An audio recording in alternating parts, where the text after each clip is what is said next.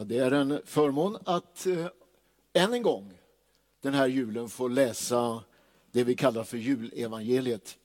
Säkert har du läst det redan och säkert har du lyssnat till de här orden. Men eh, de tål att citeras på nytt och på nytt igen. Och jag läser då ifrån Lukas evangeliet, det andra kapitlet, från den första versen. Och det hände sig vid den tiden att från kejsare Augustus utgick ett påbud att hela världen skulle skattskrivas. Detta var den första skattskrivningen och den hölls när Quirinius var landshövding över Syrien. Alla gav sig då iväg för att skattskriva sig, var och en till sin stad. Så for också Josef från staden Nasaret i Galileen upp till Judeen till Davids stad som heter Betlehem eftersom han var av Davids hus och släkt. Han for dit för att skattskriva sig tillsammans med Maria, sin trolovade som var havande. När de befann sig där var tiden inne då hon skulle föda. Och hon födde sin förstfödde son och lindade honom och lade honom i en krubba eftersom det inte fick plats i härberget. I samma trakt uppehöll sig några herdar som låg ute och vaktade sin jord om natten. Då stod en Herrens ängel framför dem och Herrens härlighet lyste omkring dem och de blev mycket förskräckta. Men ängeln sa, var inte förskräckta. Se, jag bär bud till er om en stor glädje för hela folket. Ty idag har en frälsare blivit född åt er i Davids stad och han är Messias, Herren. Och detta är tecknet. Ni ska finna ett nyfött barn som är lindat och ligger i en krubba. Och plötsligt var där tillsammans med ängeln en stor himmelsk här som prisade Gud.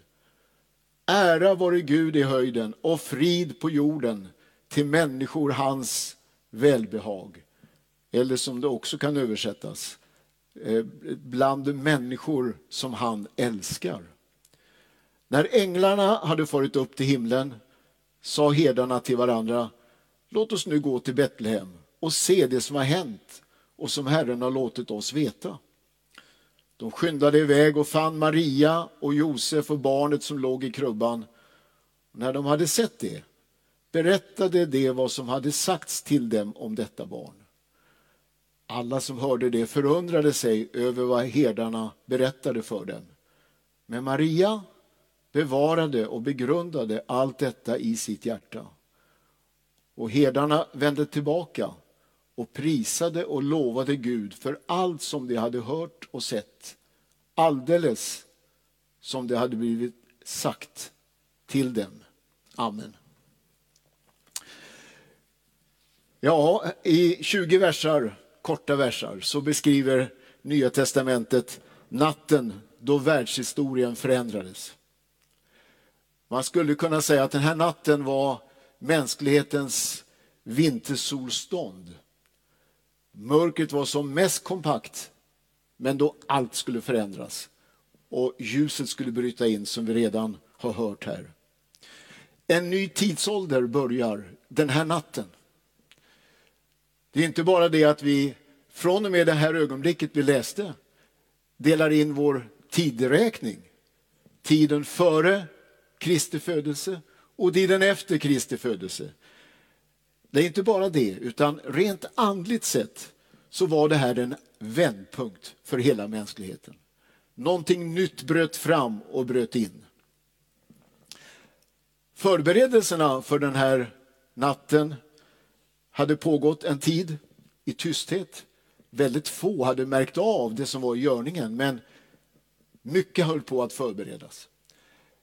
Ängeln kom till Sakarias i templet, han som tjänstgjorde. Och ängeln berättade om att trots att han och hans hustru Elisabet var komna till hög ålder så skulle de få en son. Han skulle kallas Johannes döparen som skulle spela en viktig roll i det som sen skulle hända kring Jesus. Maria, den unga flickan, fick besök också hon av en ängel. Gabriel kommer till henne med, med en kallelse in, rakt in i hennes liv. Där ängeln berättar för henne att, att hon kan få uppgiften att bli mor åt Gud själv, åt Jesus Kristus, Guds son. Och Maria säger ja till den kallelsen över sitt liv. Josef får också besök av en ängel. Ja, det är mycket som händer. Eh, till och med kejsar Augustus i Rom, han som styr, tror han, över hela världen. Han, utan att riktigt förstå det, får spela också en roll i det som händer. Han eh, ger ett bud om att hela världen skulle skattskrivas.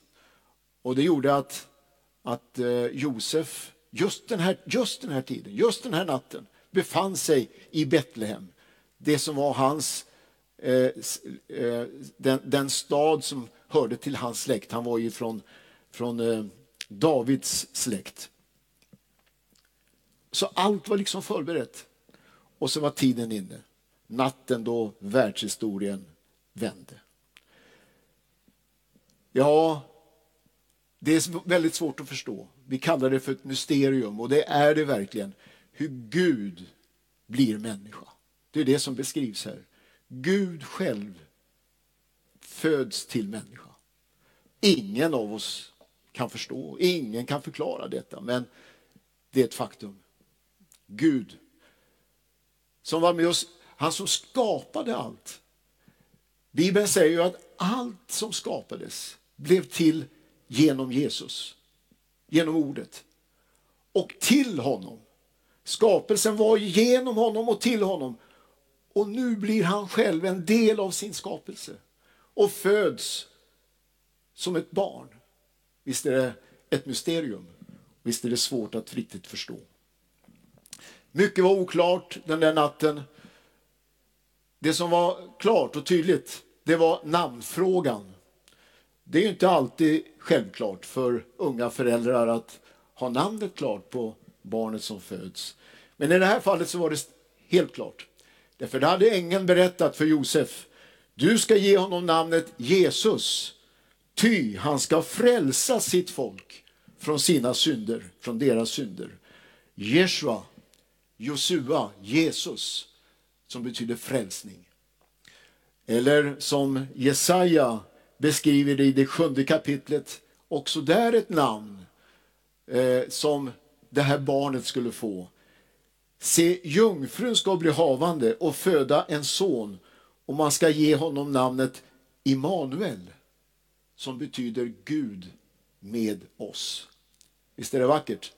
Precis det som sker. Gud med oss. Gud blir en del av sin skapelse. Gud kommer till oss som en människa för att kunna rädda och frälsa och upprätta.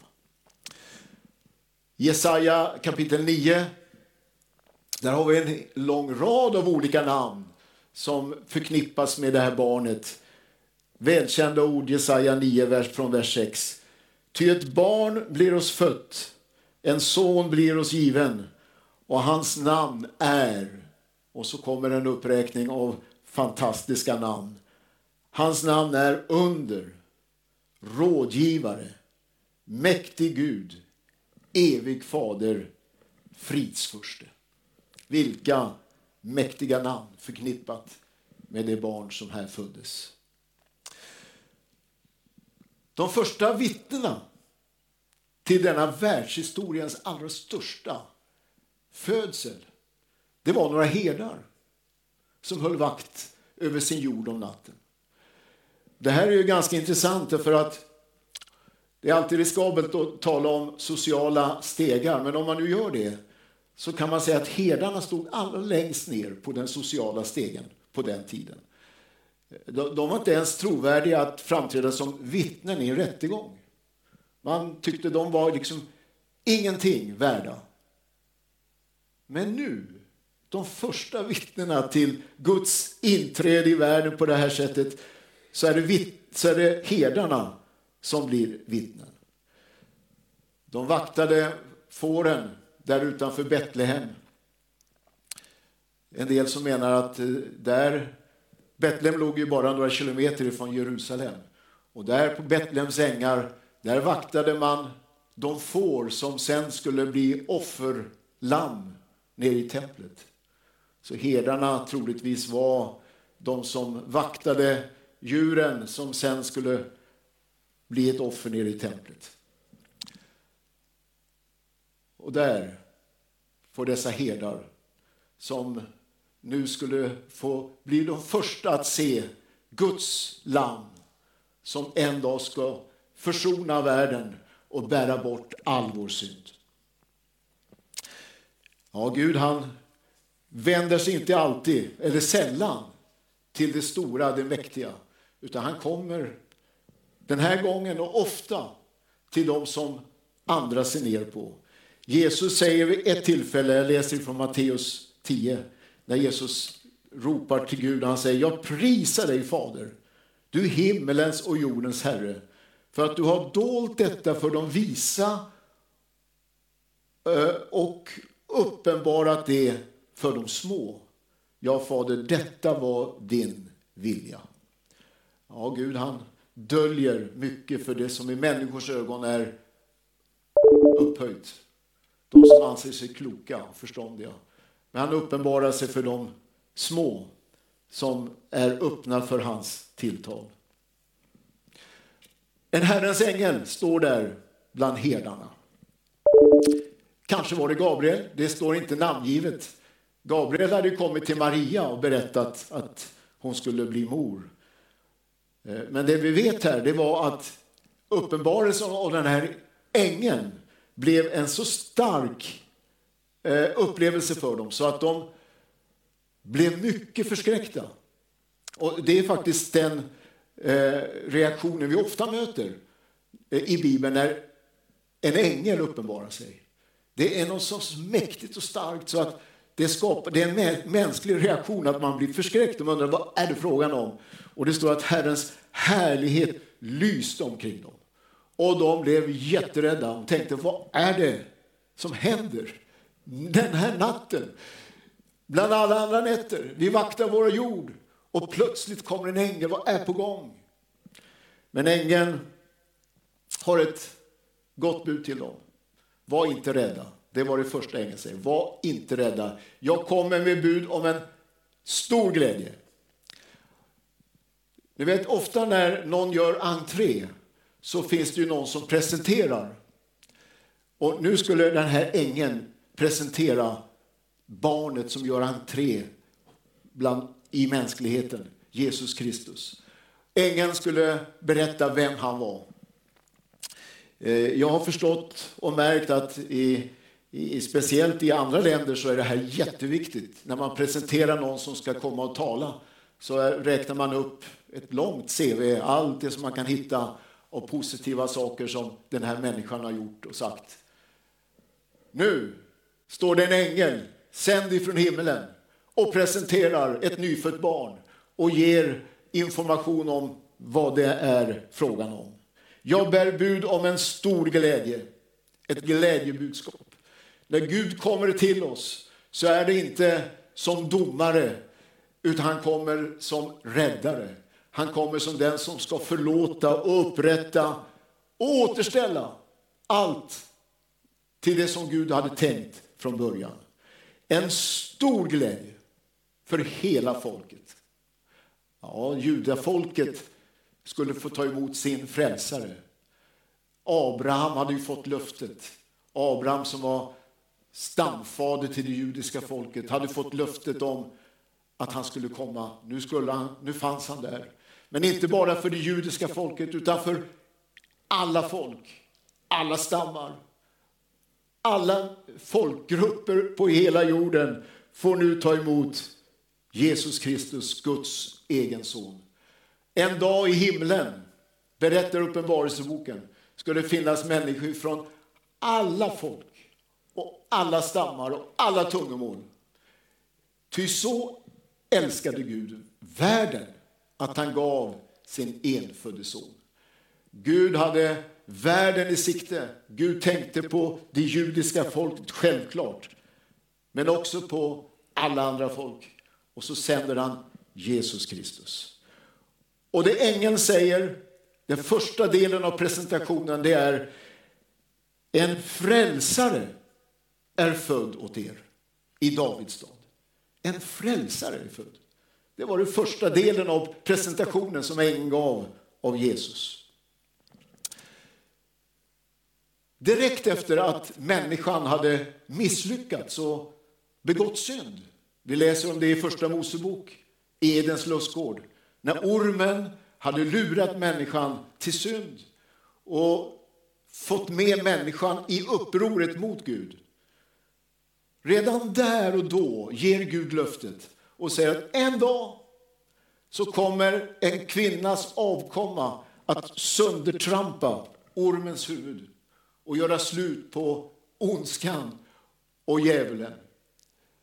Då gav Gud löftet.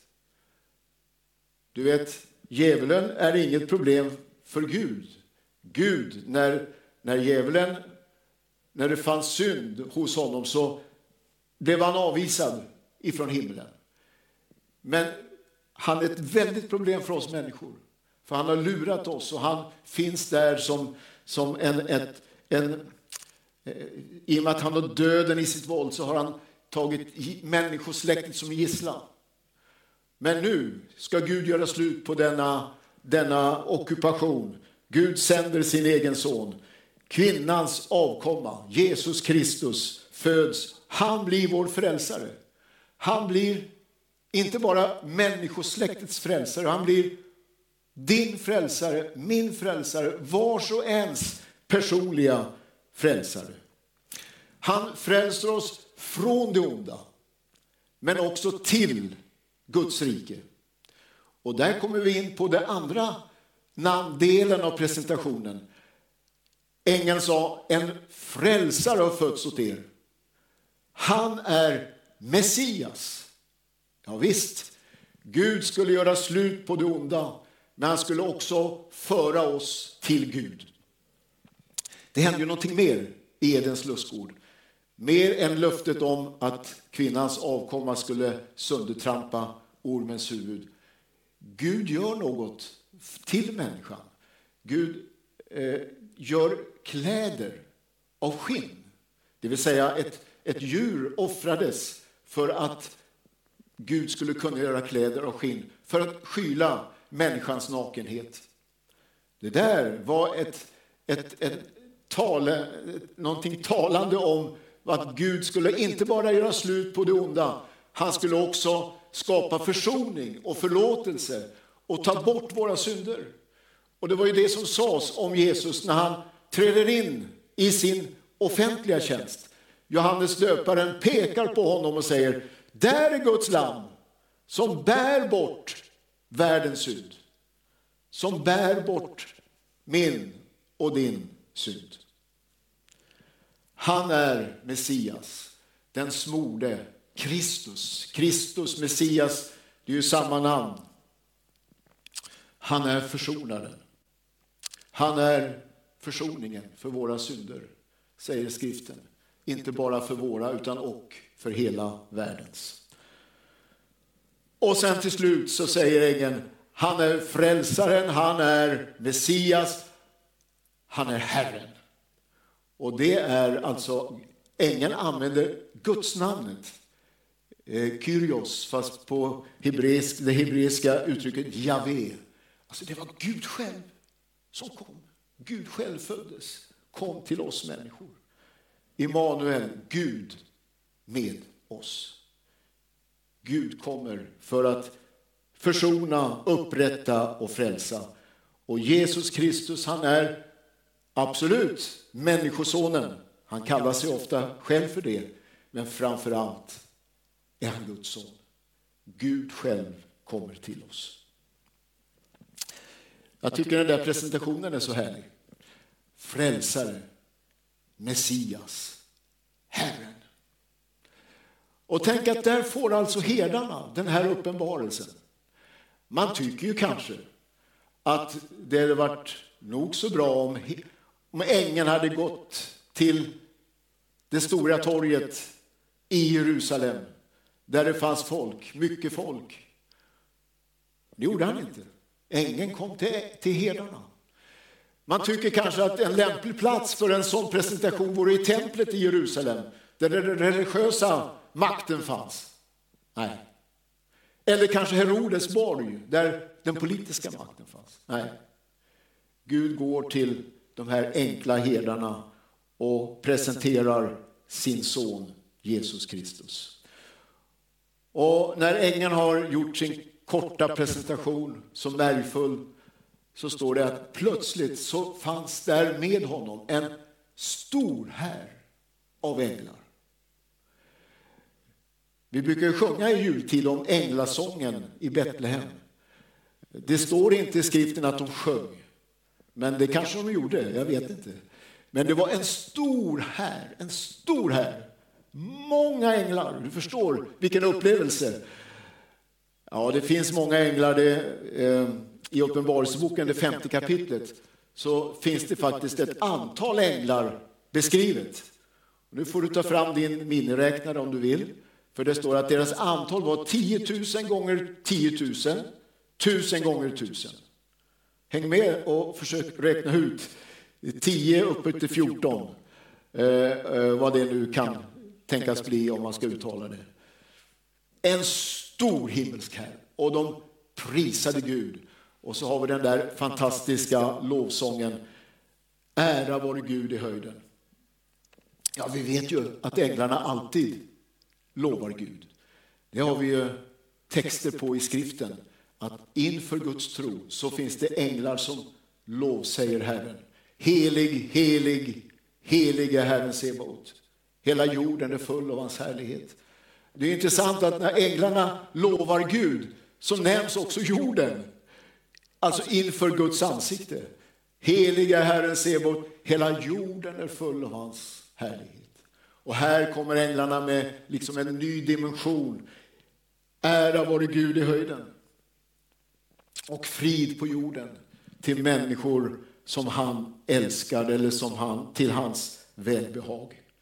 Tänk att få uppleva fridsförsten som kommer med frid och med fred.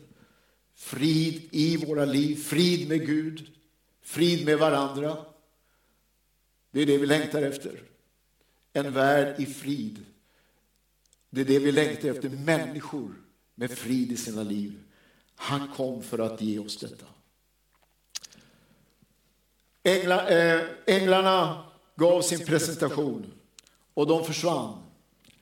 Jag skulle tänka mig att herdarna gärna hade dröjt kvar, lyssnat, förundrad över denna mäktiga syn.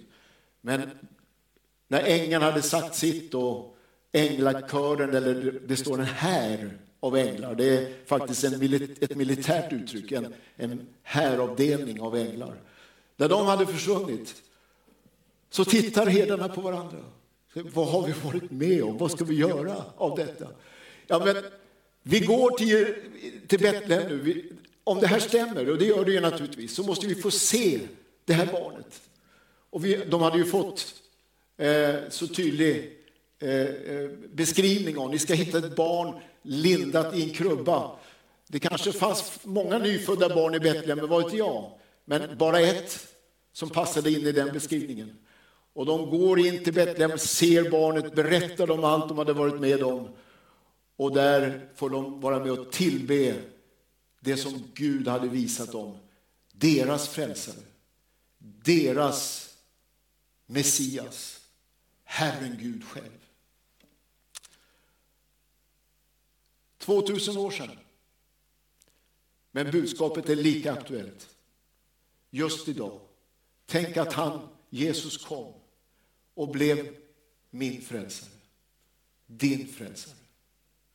Han kom som Messias, han kom som den som skulle försona och föra mänskligheten tillbaka till det som Gud hade tänkt. Och en dag ska allt bli som Gud ursprungligen hade planerat.